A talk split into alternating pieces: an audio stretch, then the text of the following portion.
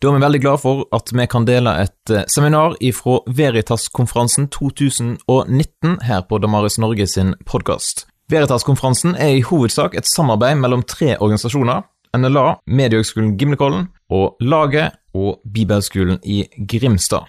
Og Vil du vite mer om Veritas-konferansen, så går du til veritaskonferansen.no. Her kommer dagens seminar. Ja, så utrolig spennende å få være eh, her på Veritas-konferansen. Eh, det er jo et privilegium å få lov til å eh, bruke tid på disse temaene her. Sånn en bredde, og så knytte likevel opp til, til Bibelen. Eh, det er et privilegium å være i lag. Eh, kan vi være kristne uten GT? er spørsmål som blir stilt. Um, ja, dette her er jo på en måte et ja-nei-spørsmål. Så jeg sa det til en som jeg snakket med på forhånd, at dette kunne jo bli et sånn skikkelig kort seminar. Eh, men vi skal ikke ta det så enkelt. Selv om det er et ja-nei-spørsmål, så skal vi faktisk ta tid til å utdype litt mer. Eh, selvfølgelig skal vi det. Um, men noe av det som ligger meg på hjertet, da, dette som ble sagt her innledningsvis, uh, om det at Guds ord faktisk har den krafta til å forandre livet vårt. Det tror jeg være på en måte båndplanken òg for et sånt seminar som dette her. Um, det er jo lett å bli innhenta når en skal ta i uh, Gammeltestamentet uh, og snakke om det. Uh, og bli innhenta av en sånn følelse av at åh, en skulle ha vært ekspert. Sant? En skulle ha hatt x antall flere studiepoeng, kanskje. Eller ha jobbet med dette og fordypa seg i det, helst i over flere tiår. Og det er det jo noen som har. Og så er jo spørsmålet er, er liksom GT, eh, Gammeltestament, er det bare for deg? Eh, og av og til kan en få litt den følelsen. Eh, at en har på en måte som kristne litt sånn outsourca GT litt til de som har litt sånn greie på det, og som faktisk forstår hvordan en skal formidle dette inn i, inn i, vår tid, og som kan sortere og knytte linjer og sånt noe. Eh, og så tror jeg at en i den der um, eksperttenkningen der fort mister noen viktige poeng. Og det er noen av de der poengene jeg har lyst til å kanskje trekke fram her. Og så Derfor kalte jeg egentlig tok meg en frihet her og kalte dette seminaret for GT-glød. altså Bruke GT konsekvent som en forkortelse for Gammeltestamentet, som sikkert alle har forstått. Eh, og det, det tror jeg er noe av det som kanskje er aller, aller viktigst. Det å komme på en plass der en kjenner at de gamle tekstene. Så liksom ofte når du ser en bibel, da, så er den sånn ganske slitt i, i, den der korte delen på slutten. Og så er det litt sånn nesten sånn sammenhengende sider der i starten. Sånn så kommer det at en våger å faktisk gå litt på skattejakt der. Med frimodighet. Uten å bli tynga av en tanke av at her skulle jammen vært ekspert. For det, det, tror jeg er veldig viktig. En trenger ikke være det.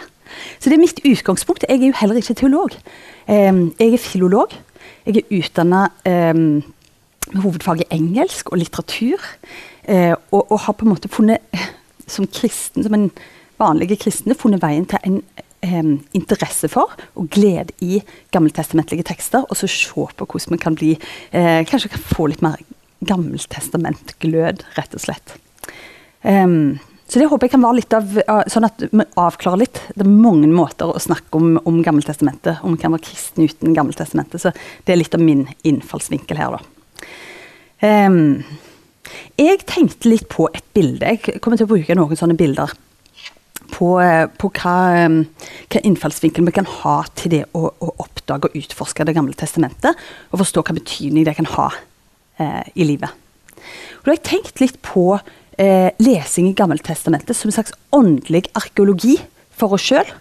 Det, det, bare ble tydelig for meg at, at, det kan kanskje være et bilde som kan hjelpe oss til å, å tenke hvordan kan, jeg, hvordan kan jeg jobbe med dette. Klart Arkeologer òg er eksperter, men det er en del ganger òg amatører har kommet over ting som har vist seg å være utrolig verdifullt og betydelig. Og jeg elsker historien om han her, eh, Marcelino Sautola ikke sånn kjempegod i spansk. Og dattera, ikke minst at dattera var med på det funnet i Altamira-kunsten. Eh, I denne her grotta som ble verdensberømt. Eh, andre halvdel av 1800-tallet er vi tilbake på da. Eh, det sies om han eh, Sautola hadde laga film, og sånn, så det er ganske sikkert noen av dere som har hørt om det. Eh, Dattera hans på tolv år, som hadde faren som et stort forbilde og gjerne ville bli arkeolog sjøl, kom over eh, kunst når de drev og utforska ei sånn hule. Eh, fjellhule. Og så sa hun 'se, pappa, en okse'. Og så får den her hobbyarkeologen, eh, som han var, sin livsoppdagelse der. Og så er det hun dattera som har sittet tolv år. Selv om hun hadde faren som forbilde, så ante hun nok ikke hva det var hun var kommet ut for. Hva, hva flik, fordi når de utforska denne grotta videre, så ble det jo et kunstverk, eh, denne grottekunsten her, som jo endra oppfatningen av kunst og av historie og mange andre ting, uten at vi skal gå inn i det. Men den der oppdagelsen der, den syns jeg kan hjelpe oss litt å forstå hvordan vi kan gå på oppdagelsesferd i Det gamle testamentet. Hæ? Plutselig oppdager du noe. Du vet ikke helt sjøl at du har å gjøre med en skatt. Når du utforsker det videre, så kan det bli så betydningsfullt at det endrer hele historien din. Det er ganske grensesprengende å tenke på det. Jeg har bare et annet eh, eksempel litt i samme gate. Eh, for det er jo lett å tenke når jeg sier dette med å finne en skatt og kanskje finne noe eh, sånn arkeologisk funn. ikke sant? Nå var jeg nettopp på Historisk museum i Oslo. Der var noen flotte gullskatter for vikingtid utstilt. Da vet du liksom når du har funnet noe i gull at dette her er verdifullt. Men det er jo ikke alltid sånn når en er på skattejakt. Ting ser jo ikke alltid så flott ut ved første øyekast. Men det kan ha en utrolig verdi allikevel. Ta f.eks. denne her, kanskje noen har hørt om den. Over 2000 år gamle. Eh, Antikvitera-mekanismen kalles den i dag. Bare ta gjerne og Søk ut og finne litt ut mer om den, men, men det er egentlig ikke hovedpoenget her. Eh, det er et bilde på noe annet. da. Men denne her, som vi har et bilde av her, oppdaga av dykkere etter å ha ligget nede på Havsensbotn i, eh, i nesten 2000 år. Um, ser jo ikke spesielt flott ut. Ha? Det ser jo ut som et eller annet som eh, kanskje er spennende, da. Jeg vet ikke helt, når dere bare ser på det bildet. Men eh, etter å ha studert denne her i 100 år, med en stadig veksende fascinasjon, så har en altså kommet fram til at det var utrolig avansert teknologi til å vare fra eh, over 70 år før Kristus. Oppdaga mellom 30 og 50 tannhjul som på sinnrikt vis kunne avsløre eh, masse når det gjelder naturvitenskapelige ting. Kunne kanskje være at han hadde noe med både astronomi og astrologi å gjøre. Flere lag med eh, effekter. Og så Uten å gå så veldig i detalj på den, for det er jo ikke det som er poenget her. Kanskje litt av det samme kan overføres på din vei med GT. Tenk litt på det. Det er jo ingen snarveier når en jobber med GT, eller når en bare leser GT for oppbyggelsens skyld. Men å ta seg tid, og investere litt, og rett og slett sette seg ned litt um, Og kanskje å åpne seg, komme til GT med et sånt utgangspunkt som en gjerne har når en ser noe sånt. At OK, jeg hører dette virke på gåtefullt vis.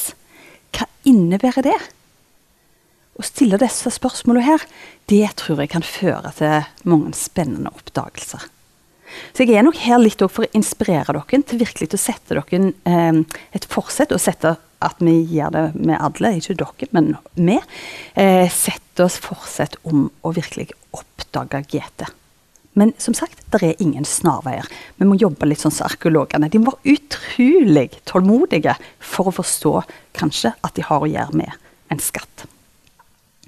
Du, Når vi stiller dette spørsmålet med eh, liksom er knytta til Det gamle testamentet, da, så kan jeg nå Og det baserer jeg litt på denne her omtalen av eh, seminaret. Det er sikkert litt ulike grunner til at dere har funnet veien her.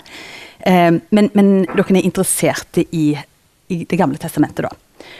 Og omtalen av dette seminaret var litt sånn at eh, hebraisk f.eks. eksempel, blir tona ned på studiesteder. En leser mindre i Gammeltestamentet i gudstjenester den danske kirka f.eks. For, for ikke lenge siden bestemte jo, eller iallfall hadde et forslag inne eh, om kanskje å droppe eh, gammeltestamentlige tekster på eh, hovedgudstjenestene.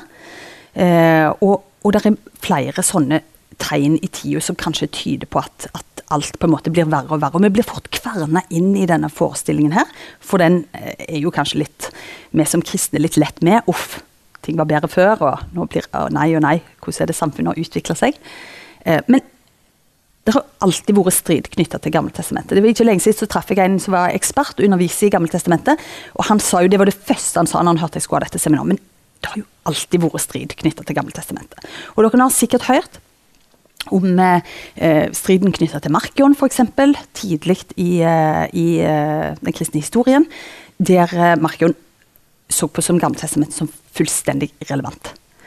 Eh, og mente egentlig at han kunne klare seg helt uten, og ønsket egentlig å revidere hele på en måte, den kristne eh, Hva en skulle bruke som kristne tekster i det hele tatt.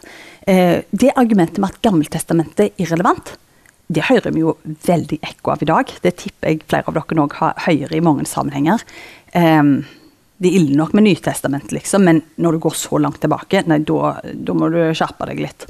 Det er jo en sånn eh, ting en ofte hører i media. Da. Men det er en gammel påstand at Det gamle testamentet er irrelevant. Det har det vært strid knytta til. Som dere ser her, går langt tilbake igjen. Um, og, og, Nå blir det bare et par spredte eksempler her, bare for å gi, gi eksempler på det. Og hvis vi ser på, på 30-40-tallet, når nazistene i Sentral-Europa frammarsj, eh, og i Tyskland, eh, så så var jo naturlig nok sant, Hitler og, og, nazistene veldig negative til Det gamle testamentet. Altså, de kunne godt ha noen uh, kristne uh, kan vi si, uh, tankesett og verdier veldig redigert, og vel å merke, men, men, de så jo på Det gamle testamentet som fullstendig uakseptabelt. Sånne jødiske skrifter skulle en ha seg frabedt, og en, en, så jo fullstendig ned på det ønsket faktisk fra styresmaktenes side på det tidspunktet å bare fjerne Det gamle testamentet fra biblene. Interessant nok, eh, teologen Dietrich Bonhoeffer, som sikkert eh, noen av dere kjenner til, eh, han eh, ga i 1940 ut en bok om, eh, om salmenes bok i Bibelen, og han ble bøtelagt for det. Eh, det ble sett på som et opprør, nærmest. hans svar var at det er rart, det at jeg blir bøtelagt for dette, for det er jo Jesu bønnebok jeg skriver om her. Jesu bønnebok. Så det er en viktig bok og et godt svar, rett og slett. Eh, som han påpekte, Det gamle testamentet er jo ofte sitert av Jesus. Han siterte, Jesus siterte jo heller ingen andre bøker. Det er jo den boka han siterte. Eh, ja Skal vi se her um, I dag hva er innvendingene i dag? Minner jo om, eh, om iallfall fall eh, den første som jeg nevner her, med det irrelevante. Vi kan stille et spørsmål, men Dere kunne sikkert lagd en liste her om hva innvendinger dere møter. Ikke sant? Den der allmenne skepsisen som er omgitt av i dag, til det å i det hele tatt forholde seg seriøst til Bibelen, det vil jo storsamfunnet ofte møte oss med. Og I tillegg så har du denne her med, med kvinnesynet. ikke sant? Bibelen er jo kvinnefiendtlig, da. Eh, er jo en påstand som en òg hører. Uforståelige hendelser vanskelige tekster i Bibelen er jo et eget seminar her på Veritas-konferansen, og er jo òg stadig vekk en tilbakevendende grunn for at en på en måte tar litt avstand til det. Og mange kristne blir litt overmanna av dette òg. Uh, det, blir så vanskelig å finne ut av det, rett og slett. Så en lar det ligge der. Um, jeg bare trekte fram et eksempel. Sant? Vi har en, en uh, hendelse i, i andre kongebok der Elisha blir uh, mobba av noen unger, tilsynelatende. Eh, og, og, der det kommer tobianer og river dem i hjel.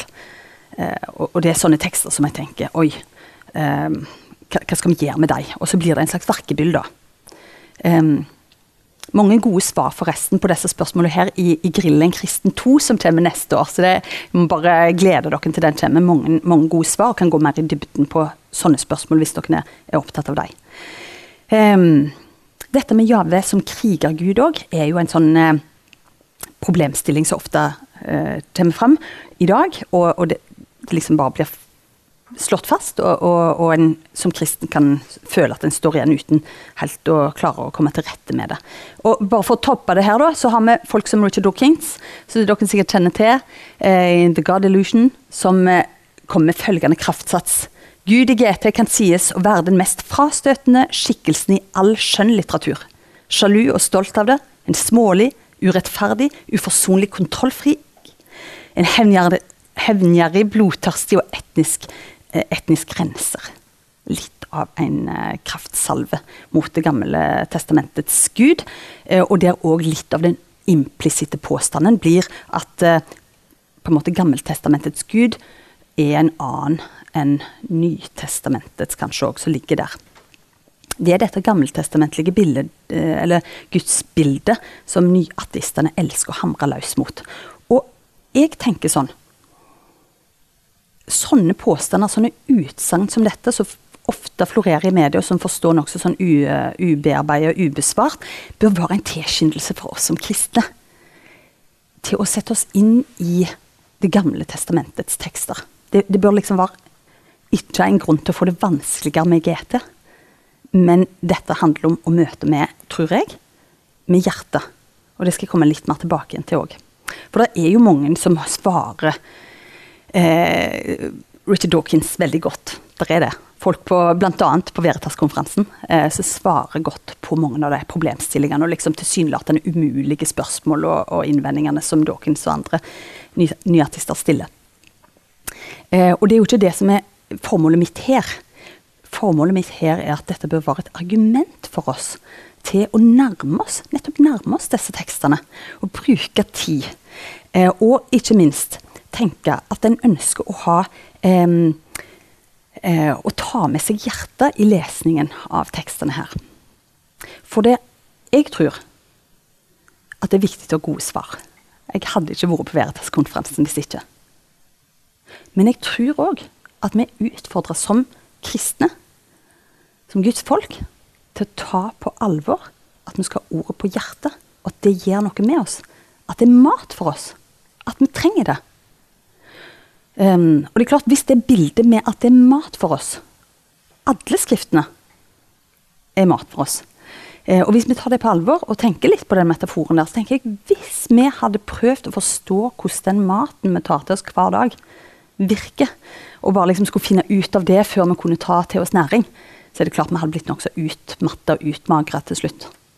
Vi trenger å ta til oss næring, og vi forstår jo ikke alltid helt hvordan det virker med oss. Men det virker. Og jeg tror det er eh, en som heter Richard Foster, som har skrevet mange gode bøker. Han har sagt eh, Come to the word attentively, humbly, expectantly. Vær oppmerksom når du leser. Tenk at det er som å ta til deg næring. Um, vi er forskjellig disponert, og, og, det er ikke bare sånn at du bare blar opp, tenker jeg. Men utforsk litt. Grav litt ut. Noen av dere liker faktisk litt mer sånn poetiske tekster. Noen av dere syns det er spennende med mer historiske tekster. Eh, noen av dere blir fascinert når jeg tenker på de fabelaktige profetiene. Gå litt i den retning først, hvis du skal begynne å oppdage litt. Eh, hvis du er viderekommen, så tenker jeg ja, bli fornya i gløden for Det gamle testamentet. Um, og kom attentively, humbly and expectantly. Jeg tror det er en trio som rommer enormt mye av det som skal være holdningen vår i møte med disse tekstene. Eh, og jeg tror eh, ikke minst det siste. Expectantly. Det å komme med en forventning. Ikke bare en tanke om at å, her er det et problem som må løses. Og av og til er iveren vår etter å gi svar til folk som Dawkins andre, så er det litt der jeg ender opp. Dette er et problem som må løses. Enten det handler om at å, jeg må ha svaret, eller jeg må lese meg opp. Så blir en fort tynga ned av alle de lagene med ting en skulle vært og gjort. Men kom. Attentively, lytt. Humbly, ydmyk deg for at disse tekstene er mektige. Var Jesu egen bønnebok, annet. Expectantly. Ha forventninger til Han som er den samme, som endrer oss òg i dag. Det tror jeg er nøkler. Noen nøkler. Eh, for veldig masse handler jo om eh, og det ser jeg for samfunnsdebatten òg, ikke minst. Der jeg for, for en stund siden hadde en, eh, en, tekst på trykk som heter 'Er Noas Gud vår Gud?' Og den vakte debatt. Eh, og en type debatt som jeg ikke var helt forberedt på. For meg jeg kanskje jeg kom inn i det litt naivt og litt sånn eh, at uh, Selvsagt. Jeg ser at det er mange lag her i den debatten. Um, men det, veldig sterke krefter i samfunnet, og i, egentlig i kirka òg, prøver kanskje å få denne fortellingen her til å gå litt opp på midten. Um, og det, det, er krevende, men vi skal prøve også egentlig besvare litt mer, eller gå litt mer inn på det. Hvorfor er um, Det gamle testamentet en skatt for oss? Hvorfor er det, og mange ganger en litt uoppdaga skatt, eller en skatt vi bare aner er der. Um, men denne her tankegangen her tenker jeg vi skal være litt sånn våkne for òg. Uh, at veldig mange, uh, og sentrale toneangivende folk i kirka i dag, vil ha en ganske sånn um, restriktive og litt sånn tilbakeholden tanke om å bare komme til ordet på den måten som jeg nå har sagt. Det kan fort vekke litt eh, debatt mange plasser.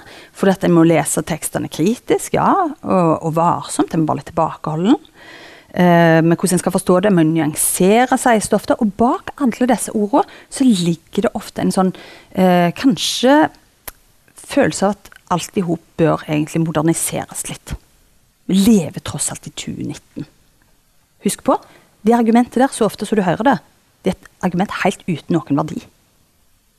Det er et argument som egentlig ikke er et argument i det hele tatt. Det med at vi lever faktisk i 2019 så avslør veldig gjerne denne her tendensen eh, når du ser eh, spor av den. For det er jeg helt sikker på dere kjenner igjen fra deres sammenhenger. Um, jeg tenker som så. Og dette kan virke igjen litt, litt naivt og litt sånn enkelt. Men igjen så ser jeg at det er noe av det som mangler. Ofte kan vi finne gode bøker, ofte kan vi finne gode spar som andre har gitt. Og hadde vi bare lest oss opp, så hadde vi klart å imøtegå både det ene og det andre. Hvorfor er Gammeltestamentet sånn en skatt for oss? Hvorfor står jeg her og sier det? Um, først og fremst dette, som det heter i boktittelen av Philip Yancy, som kom ut for mange år siden, men som fremdeles er veldig spennende. Det var den Bibelen Jesus leste. Det var hans bibel. Og han hadde eh, en holdning til Bibelen som jeg tenker at det er viktig å eh, som disippel prøve å adoptere. For i så mange forskjellige sammenhenger så knytter jo Jesus nettopp hele sin virksomhet, hele sin identitet, hele sin frimodighet, hele sin autoritet til Gammeltestamentet. Og dermed så blir det rimelig tydelig at alle som vandrer hans vei, på et vis må finne en plass i seg til å utforske og leve med disse tekstene, disse skriftene. Selv om de er gamle, selv om de er gåtefulle, så er det en nødvendighet. En skal lære av hans eksempel på denne måten. Et par nøkkeltekster hadde jeg tenkt å, eller helt korte egentlig nøkkelvers hadde jeg lyst til å ta, ta med dere. Um, sånn at de uh, kommer litt tydelig fram. Jeg kan zoome inn, og det er klart vi skal komme litt tilbake til det. Dette Nytestamentet gjennomsyra av. Så la oss bare highlighte et par vers som kan liksom bare ha noe litt mer konkret. For Johannes 5, f.eks. Um, her sparer jo Jesus jødene. De er nå beskrevne uh, hos Johannes som fast bestemte på å ta livet av ham. Og sånn levde jo Jesus i de årene han var i aktiv tjeneste. Um, og offentlig tjeneste, heter det vel kanskje. Um, så sier han altså, han går rett inn i denne jødiske virkeligheten her og sier hvis dere hadde trodd Moses, hadde dere òg trodd meg. For det er om meg han, altså Moses, har skrevet. Men når de ikke tror skriftene hans, hvordan kan de da tro ordene mine? Det er ganske spennende kobling, og utrolig intime kobling og forbindelse mellom Jesu eget, egne ord, som jo alle kristne er veldig opptatt av. Sant? Det, det er egne bibler der Jesu ord er i rødt osv. Ofte vil en si ja, det, det betyr noe det som Jesus sa. Det er jo det som er viktig. ikke sant? Ja og amen til det. Men se hvor han henter sin legitimitet fra. Hvis dere hadde trodd Moses, hadde dere òg trodd meg, for det er meg han har skrevet. Og Hva forteller det oss? Jo, Det gamle testamentets skrifter de peker alle på han. Eh, og Han stiller et retorisk spørsmål her. Er det nærmest sånn han legger det fram? Det er umulig å tro på ordet hans uten å tro på Moses, altså loven, uten å tro på det, det, som står i Det gamle testamentet. Det er en så tett forbindelse. Um, og det betyr jo ikke, Nå skal vi ikke rote oss ut i noe sånn at det er loven og den gamle pakt fremdeles liksom gjelder for oss. og sånn. Jesus kommer jo inn i det og fornyer det og oppfyller det jo. Det er jo det som er hele poenget. Så det er viktig å ta med. Eh, men, men, bare legg merke til jeg, som, som, filolog så er jeg opptatt av språk, og jeg syns det er fascinerende å se her bare hvor selvsagt dette er. Hvor selvsagt denne forbindelsen her er. Og hvordan dette retoriske spørsmålet bare må eh, måtte snakke om å gni det inn her. I dette jødiske miljøet så holder skriftene så høyt i kurs. Var det noe de kunne, så var det skriftene. Og var det noe de kjente, så var det deg. Rett inn i det taler Jesus om at det er jo han. Og de på mange måter er forblinda, da, som ikke ser han. Um, vi skal ta med ett til. Litt, litt lenger. Håper det går an å lese litt dette her, men jeg kan, jeg kan godt lese det her. Og her, nå er vi i, i slutten av Lukasevangeliet. Uh, Jesus har dødd og stått opp igjen. Og han Kanskje dere husker den historien der han slår lag med Emmaus-vandrerne som er på vei uh, vekk fra Jerusalem, og sier noe om, uh, og snakker om dem. Um, dette er en tekst som på mange måter er fin å identifisere seg med for oss nå.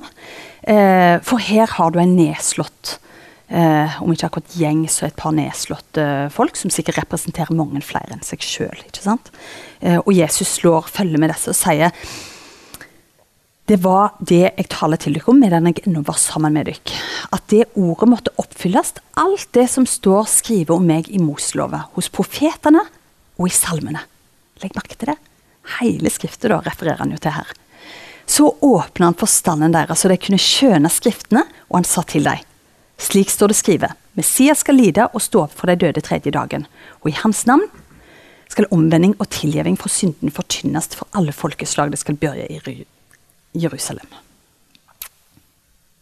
Det blir oppfylt. Det som står i Moselova, hos profetene og i salmene. Og Det er det han refererer tilbake til. Og den koblinga der det den som er viktig for oss å få tak i, og den bør jo bli vårt eh, motto på en måte da, eh, for, for, vår omgang med Det gamle testamentet. Absolutt. Um, ofte blir det jo sagt ja, men ikke Jesus er viktig, det er jo liksom han som er viktig. Men se hva han gjør. Han erstatter. Han er jo der sjøl, i lag med det. Vi burde jo lett kunne tenke at ok, nå er jo han her. Altså, Skriftene er de så viktige, da. Men her ser vi. Han erstatter ikke sitt nærvær. Tenk på det. Han erstatter ikke sitt nærvær. Eh, altså, han erstatter ikke skriftene med sitt nærvær, var poenget her. Mm. Det kunne vi jo lett tenke at han ville gjort. Altså, nå var skriftene mindre viktige, nå er jo han her. Eh, og Det er det jo mange som på en måte sier det viktige er jo Jesus og hans person. Ja, det er det. Men se hva han gjør sjøl. Han trekker fram dette som et argument for det han er, for det han gjør, for det verket han var kommet for å fullføre for oss. Det er så viktig å være forankra i det, på samme måte som Jesus sjøl faktisk var det. Eh, og Jesus, han, eh, det er jo en fantastisk tekst på mange måter. Ta han fram, slå han opp og la dere inspirere. Han går i lag med deg, og han minner deg om skriftene. Han opplyser deg, eh, sånn at du òg får se. Sånn som disse Emmaus-vandrerne som sa etterpå. Hjertet brant jo i oss når han var i lag med oss. Han setter hjertet vårt i brann. Um, og dette gjør han med å vise dem noe om hva rolle han egentlig spiller. Det er veldig spennende. Yes. Eh, litt sånn på den prosaiske sida, for det er klart når vi har eh, ei overskrift som dette, kan vi være kristne uten GT? Det er ganske sånn eh, bombastisk, da. Eh, det spørsmålet der. Så er det jo noen som kunne ha vitna om en historie der de har funnet som Gideon Nytestamentet på et hotellrom og, og funnet fram til trua på den måten der. Og selvfølgelig. Det er ikke bøker dette handler om, det har dere jo allerede forstått. Det er jo ikke fysiske bøker vi snakker om her. Det går selvfølgelig an å bli kristen ved å finne og plukke opp et Nytestamente og lese det og la seg eh, inspirere der.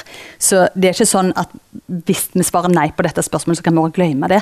Det er ikke en sånn vi må liksom ikke øve i denne bibliolatrinen her der en liksom tilber bøkene nærmest. og sånt noe. Eh, poenget er å se noe på og utforske forholdet mellom dem. Så bare så det er sagt, og det er lagt vekk. Gideon, eh, flotte bibeldistribusjonstjeneste og, og nytestamentlige oversettelser til mange språk. Veldig bra. Det er jo der vi kan begynne å utforske Det gamle testamentet og virkelig få liv ifra det. Så det er kjempeviktig. Mm.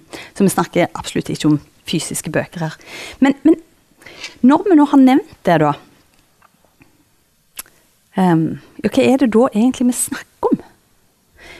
Uh, jeg er ikke akkurat noen sånn matematiker her, så det å sette opp som en sånn formel, det er jo ikke sånn veldig interessant for meg. Men allikevel så tenkte jeg på at, at hvis en skulle prøve da eh, å, å, styre unna og manøvrere unna For det, det, det kan være mange grunner til det. En kan jo av og til være litt eh, Jeg har vært det i mange perioder i livet. Litt sånn åndelig late.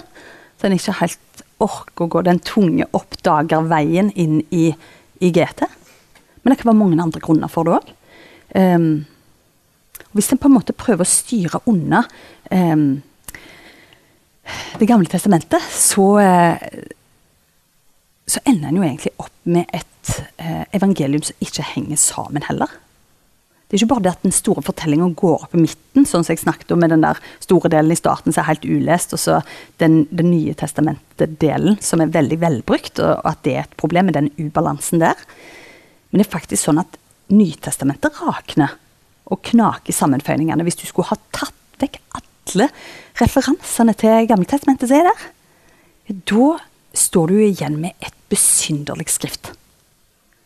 Noe som ikke henger sammen i det hele tatt. Um, en ting er at en har sånn 200-300 helt sånn direkte referanser eh, til Det gamle testamentet. Over 280 sånne. Eh, det, er jo, det, er jo, bare én del av det, men bare det i seg selv ville jo gjort et uh, betydelig innhogg i forståelsen og sammenhengen i teksten. ikke sant? Uh, men du har en masse, uh, en masse mer enn det inni her. når jeg var på Reliable-konferansen, studentkonferansen i Oslo, da hørte jeg Knut Kåre Kirkholm ha et, et, foredrag der som var spennende. Han snakket nettopp om det med hva, hva bibel var det egentlig Jesus og disiplene leste. Hva var det de hadde for en bibel? Um, og da sa han jo det Det var jo ikke sånn at det er jevnt fordelt utover med de gammeltestamentlige referansene i Det nye testamentet. Tvert imot så er det jo sånn at dess viktigere noe er eh, i Det nye testamentet, dess mer underbygd og forbundet er det med referanser til Det gamle testamentet. Og det er interessant. Det bør jo virkelig være en sånn eh, en, en inspirasjon for oss igjen til å, å ta det på alvor. For eh, vi kan ta et par eh, Bare liksom nevne Lukas 4, f.eks. Der vi både har historien om når Jesus blir frista, og kan svare på fristelsene. Han svarer med som det står skrevet. Det er hans svar. Det er liksom ikke sånn at han kommer inn der med en ny, eh, noe nytt og fresht, kanskje, som vi kunne ha kanskje tenkt. Nei, hente de eldgamle ordene og reaktualisere dem og gjør de til bærebjelken i hans tjeneste og hans totale hengivelse til det oppdraget han er satt inn i. Det er ganske spennende, syns jeg, da. Eh, men, men, leser du ut i, eh, i uh, Lukas 4 òg eh, Jesu på en måte innsettelsesord er jo der når han tar, tar, tar til med sin offentlige tjeneste uh, og sin de årene der han virker og går rundt, liksom, og det vi leser mest om i evangeliene eh, så ser vi jo helt klart at eh, han eh, går rett inn i profetiene. Og så sier han det er om meg. Det er om meg dette som er skrevet. Herrens ande er over meg. Han har salva meg til å bringe et godt budskap til fattige osv. Les det gjerne i Lukas 4. Eh, rett inn, og så knytter han det til sin person og til sin tjeneste. Så poenget og den referansen til Knut Kåre sitt eh, seminar er jo akkurat det at dess viktigere noe, dess mer tydelig blir det at dette blir underbygd og referert til eh, fra Det gamle testamentet. Så det er jo mye mer enn bare sånne sitat og referanser. Det er utrolig viktig å ha klart for seg at når vi da leser Det nye testamentet, så leser vi jo på mange måter Det gamle testamentet. Eh, med alle de referansene, med alle de eh, punktene som, eh, som der, der, er felles. Mm. Så det, det, er bare viktig å ha det med. Um, jeg skal ha et par uh, sånne bilder til. Nå har jeg jo sagt at jeg er filolog og ikke teolog. Det kan både være en styrke og en svakhet. Jeg vet ikke hva vei dere har tenkt dere inn på. Om dere er sånn teolog uh, har lyst til å studere teologi, eller om det er helt andre veier dere har tenkt å gå jeg har så lyst, og det gjorde jeg på den der eh, Reliable-konferansen òg, så ble jeg å gjenta meg sjøl litt derifra, men det er ikke sikkert dere var der. Um, slå et slag òg for amatøren. Jeg har veldig sans for den lærde, men uansett hva vei du har tenkt deg å slå deg inn på i livet, så tenker jeg at det å ha en glød for eh, skriftene, og på en måte for hva de gjør i livet vårt, det er mulig å ha. Det er ikke sånn at du liksom utdanner deg vekk ifra det, og at du blir mindre i stand til å kunne si noe og formidle noe helt vesentlig eh, med den eh, utdanninga eller den retningen du har, eller allerede er i gang med. Um, så for meg som er opptatt av litteratur, så syns jeg jo det er spennende å relatere disse tingene litt til, til der jeg er, og til det jeg driver med. Eh, og For ikke lenge siden så var jeg på en spennende oppsetning i, eh, i Rogaland Teater. da. Der hadde de en eh, oppsetning i høst som vi hadde elevene òg med på. Eh, en 'Midtsommernattsdrøm' av Shakespeare. Et av eh, verdenslitteraturens store mesterverk. Spennende å se hva de hadde gjort ut av det på Rogaland Teater. da. Um, men så er det litt sånn at når du kommer inn i det teatermiljøet, sånn, så ser du plutselig en del sånn forskjellige ting. Og jeg, det ble veldig tydelig for meg at noe av dette måtte jeg bare trekke med inn her. For dere har sikkert hørt det uttrykket at det, det gamle testamentet er et bakteppe for Det nye testamentet. Det, det er et sånt uttrykk som jeg har eh, sett i mange sammenhenger og, og liksom blitt formidla på ulikt vis. Um, og det slo meg altså når jeg var der, at bakteppet er ikke et sånn veldig dekkende uttrykk. Og Hvorfor skal jeg gjøre et sånn veldig poeng ut av det, da? Um, jo, et bakteppe Bare tenk på det, det er jo ganske sånn passivt. Hvis dere, nå har jeg et bilde her, så jeg regner med dere forstår litt hva det går i. Det er veldig sånn passivt, det er jo bare, bare en slags bakgrunn. Det bare, for å si det sånn, det bare henger der. Sant? Uh, og hvis det er et sånt bakteppe en er ute etter, så er det jo litt sånn som den der Bibelen jeg snakket om, der, der den der uh, Gammeltestamentet-delen er veldig sånn fin og ubrukt. Den henger der som et bakteppe. Uh, og vi vet kanskje noe om at det er greit å ha en bakgrunn og se noe på. Um, men det tror jeg ikke helt fungerer. altså. Det er bare en slags dekor. Det blir veldig overfladisk. Um, bare for å gi en kontrast da, til, til det som det egentlig handler om Jeg tror vi må bevege oss ifra den ifra den um, metaforen der til noe som kan gi litt mer um, Gi noe som treffer litt bedre, og gi litt mer fylde, rett og slett. Og da jeg var på teateret nå sist, så ble jeg egentlig litt fascinert. For da snakket jeg litt med eh, de som jobber der, om hva de gjør. For jeg var på et kurs der i forkant. Hva de gjør når de f.eks. skal sette opp en 'Midtsommernattsdrøm' av Shakespeare. sant? Møter jo dette med litt sånn respekt, og, og samtidig skal de liksom gjøre noe nytt og litt friskt. Eh, gjør det på sin egen måte. Eh, og alt dette er ganske interessant å få et innblikk i og høre hvordan de jobber med det. Og det er jo helt klart at når du går, akkurat Hvis du går på et sånt skoleteater, så kan det hende du møter dette her, og så er det noe som blir utspilt på scenen. Men når du går på et moderne teaterstykke, noe jeg anbefaler alle å gjøre, da er det dette med kulisser. Det er jo en hel vitenskap. Altså det er et fascinerende håndverk. Um, de som lager kulissene og produserer det, blir trukket inn uh, og blir eh, utfordra til å egentlig være med i prosessen. Og se hva er det som går an å gjøre ut av denne scenen her. Eh, hva innganger og utganger kan vi ha? Hva luker kan åpne seg i gulvet, og hvordan kan en plutselig heise folk opp? Og, ja, i Det hele tatt. Det er noe helt annet i fall, enn et sånt bakteppe. Og jeg har bare et sånt eh, bilde fra, eh, fra denne oppsetningen her, altså. Og nå merker jeg jo at nå, nå pendler vi litt sånn vekk fra, fra det som er temaet, men allikevel så skal vi hente det inn igjen her. La oss bare se litt på det bildet der, som er en del av denne her oppsetningen. Da ser dere noen sånne eh, Noe som står opp, liksom. Sånn søyle, egentlig. Sånn, skal være et slags eh, antikk eller sånn, litt sånn gammel, eh, gammeldags romersk eller gresk eh, søyle her. Og, og, og, i starten av stykket så er det i et bymiljø. Og da er dette søyler i en bygning. Lenger ute i stykket så er plutselig søylene er egentlig de samme, men de blir helt forandra. For da er en ute.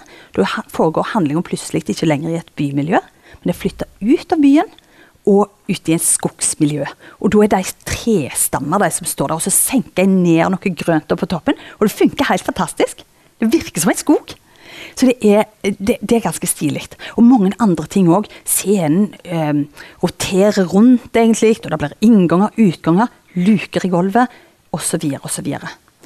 Eh, og på mange måter så tenkte jeg når jeg så det, at det er litt sånn Det er iallfall mye mer treffende å snakke om Gammeltestamentet som sånn type dynamiske kulisser for det som utspiller seg i Jesu liv og i hans tjeneste, og det som redder oss. Den store redningsaksjonen som alltid Det gamle testamentet peker framover mot. Sånne dynamiske kulisser, som altså virker på flere nivåer. Ja, de på en måte understøtter jo handlingen og, og får fram eh, perspektiv eh, ved det som skjer på scenen. Eh, og samtidig så endrer det jo litt karakter, da.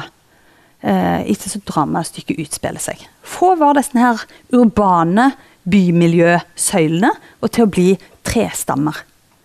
Eh, og, og, det betyr ikke liksom at Guds ord på en måte sånn fundamentalt endrer karakter, ikke sant? men det spiller litt ulike roller når en ser det den, eh, det perspektivet vi har nå, eh, i forhold til hva det spilte i sin samtid, selvsagt. Um, de Ordene er de samme, og så endrer de på en måte litt karakter. Og profetiene, eksempel, som vi kjenner til, virker jo på ulikt plan. Vi vet jo at de har flere virkninger, eh, både i si samtid, som et budskap om omvendelse i si samtid, og mange av de òg peker jo langt framover i historien og blir oppfylt eh, langt, langt seinere. Ikke sant? Så dette er på mange måter dynamiske ord. Eh, så stopper det jo ikke der, for de virker jo inn i livet vårt i dag òg. Og det er jo et under. Det er jo et under. At Gud kan virke på den måten gjennom sitt ord òg i dag. Så i vår iver etter å finne svar, og gode svar For den skal vi nemlig virkelig holde tak i. Og er du blant den som ikke helt slår deg til ro, eh, heller med sånne type bilder som dette her, så fortsett å grave. For all del. Finn gode svar, så du òg merker at dette her kan jeg, det, dette må jeg komme til rette med. Det skal du ta på alvor hvis det har blitt lagt inn over deg. Og så skal du òg eh, ta med deg litt av det der mystiske ved måten Guds ord virker på. At plutselig så åpner det seg noe. Og plutselig ser du ting i et nytt lys. Og plutselig så kaster det lys over Jesu tjeneste og hans person på en måte du aldri kunne opplevd uten. Da blir det en sånn virkelig stor sammenheng som du aldri får uten å virkelig gå inn i de gammeltestamentlige tekstene. For det er jo det er jo kolossalt mange gode grunner til å anbefale Det gamle testamentet som litteratur. Det er det jo ingen som helst tvil om. Eh, vi kunne ramst opp så mange. Jeg prøvde å lage meg en liten liste. jeg her. Eh, tenkte på all den livsvisdommen som representeres. Sant? All den livsvisdommen. Det å bare få, få del i alle disse referansene som vi trenger for å orientere oss i annen type litteratur og kultur. Enormt viktig. Um, fascinerende også hvordan Det gamle testamentet er så ærlig på oss mennesker og hvem vi er. Og hvordan barnslig og smålig vi mange ganger oppfører oss. Hæ? Det er ganske langt ifra det der heltehistorien du finner i annen gammel litteratur. Det bygger ikke liksom opp rundt disse sterke og modige heltene, sånn som f.eks. sagalitteraturen som jeg underviser i på norsk for tida, eh, der det ofte bare handler om å få fram hvor sterke, modige og mektige mennene var. Det gamle testamentet har et utrolig utvalg med spennende personligheter som en kan dykke inn i, og veldig ofte finne Jeg kjenner meg igjen i dette. Det er sånn felles menneskelig her, eh, på tvers av tid og rom. Så det snakker veldig ærlig. Eh, jeg tenker òg det er poesi på høyt plan vet ikke om jeg nesten våger å si det engang, for mange får jo helt sånn piggende ut vet du, når en snakker om poesi og hvor viktig det er. og, og Hvis den er norsklærer i tillegg, sant, så, så, kan det være litt sånn uh, utfordrende. Men jeg slår et slag for det likevel. Vi har godt av det. Kjempegodt av det. Og poesien i Det gamle testamentet uslåelige. Så les gjerne gjennom og smil litt, og gled deg litt over både høgsongen og salmene, ikke minst. Eller begge deler, vil jeg si, ikke minst. Eh, salmene har jo et sånn følelsesregister så bare ta fullstendig av. Alt er det rom for der. Alt du har følt, det møter du igjen i salmene. Um, og salmene òg er jo ja, Hvis vi tar liksom i den der sirkelen, så feirer jo òg salmene Guds ord i seg sjøl. Så jeg må alltid nevne salme 19 og salme 119. For det er to salmer. Den ene kortversjonen, og den andre litt mer utfyllende. Den, det er jo salme 119, Bibelens lengste, bo, eh, Bibelens lengste kapittel, med 176 vers. Som er en eneste lang lovprisning av Guds ord i seg sjøl. Les den og bli inspirert. For jeg tror det er der vi har noe av nøkkelen. Vi må finne en glede. Vi må ha det på hjertet. Og det, hvis du som meg òg kan føle deg litt sånn amatør noen ganger òg, i omgangen med Guds ord, så skal du huske hva ord amatør kommer ifra. Sikkert noen her som vet det, og det har jeg sagt tidligere òg i forskjellige sammenhenger. Jeg har kjempesans for det. Amatør for fransk en som elsker. Bli en som elsker Guds ord og har det på hjertet. Da kan du liksom, i tillegg til å være en amatør, være en glad amatør. Eh, og ikke den betydning som ofte ah, det var amatørmessig, sier vi litt foraktelig. Mm. Jeg tror det er tid nå òg, i møte med det der kompetanse- og ekspertsamfunnet som er en del av, ikke å nedvurdere kompetanse og ekspertise, men til å finne et rom for oss som amatører, som noen som elsker Guds ord. Det tror jeg er viktig. Um, jo, jeg var i gang med å nevne et par ting til. skal jeg ta med. Profetiene f.eks. i Bibelen. Uh, de kan en fort gå inn i litt sånn som dette landskapet. Det er et landskap som har mange lag, og som endrer seg litt. Og så er gåtefullt, så har mange betydningslag. Men så er utrolig spennende å vandre i utrolig spennende vandring. Hvis du er, er av den typen, så syns jeg det der med disse 300-400 profetiene som fins, det er litt ulike anslag for hvor mange profetier det er. Um, det er interessant, Israelske bibler, f.eks., der vi har eh, sånn kart og sånt vet du, bakerst i Bibelen, litt sånn ressurser. Der har uh, israelske bibler har, tror jeg, 60 profetier eller noe sånt bakerst, med oppfyllelsen av det. Og det er trosstyrkende. her. Å se hvordan dette ble forutsagt for så lenge siden. Og så se Ja, Jesus. Han kom, han møtte, han oppfylte dette. Og hvis vi ser vekk fra GT, så er det jo ikke så stort. Det å ha liksom svaret på noen spørsmål som nesten ikke er stilt. sant? Hvis en går vekk fra Gammeltestamentet, så blir det jo litt sånn. Da blir jo liksom historien om Jesus hengende litt i løse lufta er det så stort å finne Hvis Jesus er svaret, sto det på sånn uh, bumper stickers i USA før i tida. But what was the question? Ja, det kan vi jo gå litt glipp av, da. Hvis vi ikke tar oss tid til å eh, dykke i og grave ut og jobbe med eh, Det gamle testamentet. Så i tråd med denne dynamiske kulissen så åpner de plutselig noen nye rom. Og det må vi eller, bevare en åpenhet for, da. Yes. Vi skal gå litt inn for landing, og jeg er litt sånn usikker på tida her. Men hvis vi har tid, så kan vi ha litt spørsmål. Eh, et kvarter igjen, ja. Det var jo veldig god tid. Men da kan vi enten eh, Jeg skal Ja, jeg, jeg, tar med det korte svaret her òg. For jeg tror de aller fleste har forstått eh, hvor jeg ville hen. Men det, det er greit å gjøre ting veldig tydelige. Um, det korte svaret på seminaret her er nei. Vi kan ikke være kristne uten Det gamle testamentet. Og så vet jeg ikke, Kanskje det er noen som ville ha et spørsmål eller dele noe, si noe. Det er spennende. Men uh, denne kortversjonen her blir jo, uh, blir jo stående som svar. For En må jo svare på den oppgaven en har, uh, har, blitt forelagt. da. Så da tenkte jeg jeg skulle gjøre det helt kortfatta. men det hadde blitt enda kortere seminar hvis jeg bare avslutta. Det betyr at jeg har snakket litt fort, så kanskje noen eh, vil be meg om å oppklare noe. Eller kanskje det er andre ting som eh, en ønsker å ja, ta fram eller spørre om. Det er òg helt greit. Du kan jo kanskje være litt her da, i ti minutter. Absolutt. Noen som vil ha noen spørsmål. Vi kan starte med en applaus, i hvert fall. Ja. Takk, takk. Takk for at du lytter gjennom dette seminaret her. Og Skulle du ønske at flere fikk med seg det gode innholdet, ja, da kan du jo faktisk dele seminaret med noen, eller tipse dem om seminaret i sosiale medier. Vi setter også veldig stor pris på om du har lyst til å skrive en anmeldelse av Damaris Norge sin podkast på de ulike podkastplattformene. Da hjelper det oss å løfte podkasten opp, sånn at flere får nytte av den. Jeg vil også nevne at eh, du kan ha mulighet for å kjøpe diverse bøker via nettsida snakkomtro.no, der flere av de som eh, var med på Veritas-konferansen, har sine bøker tilgjengelig der. Så sjekk ut Snakk om tro, og kjøp gjerne ei bok eller to.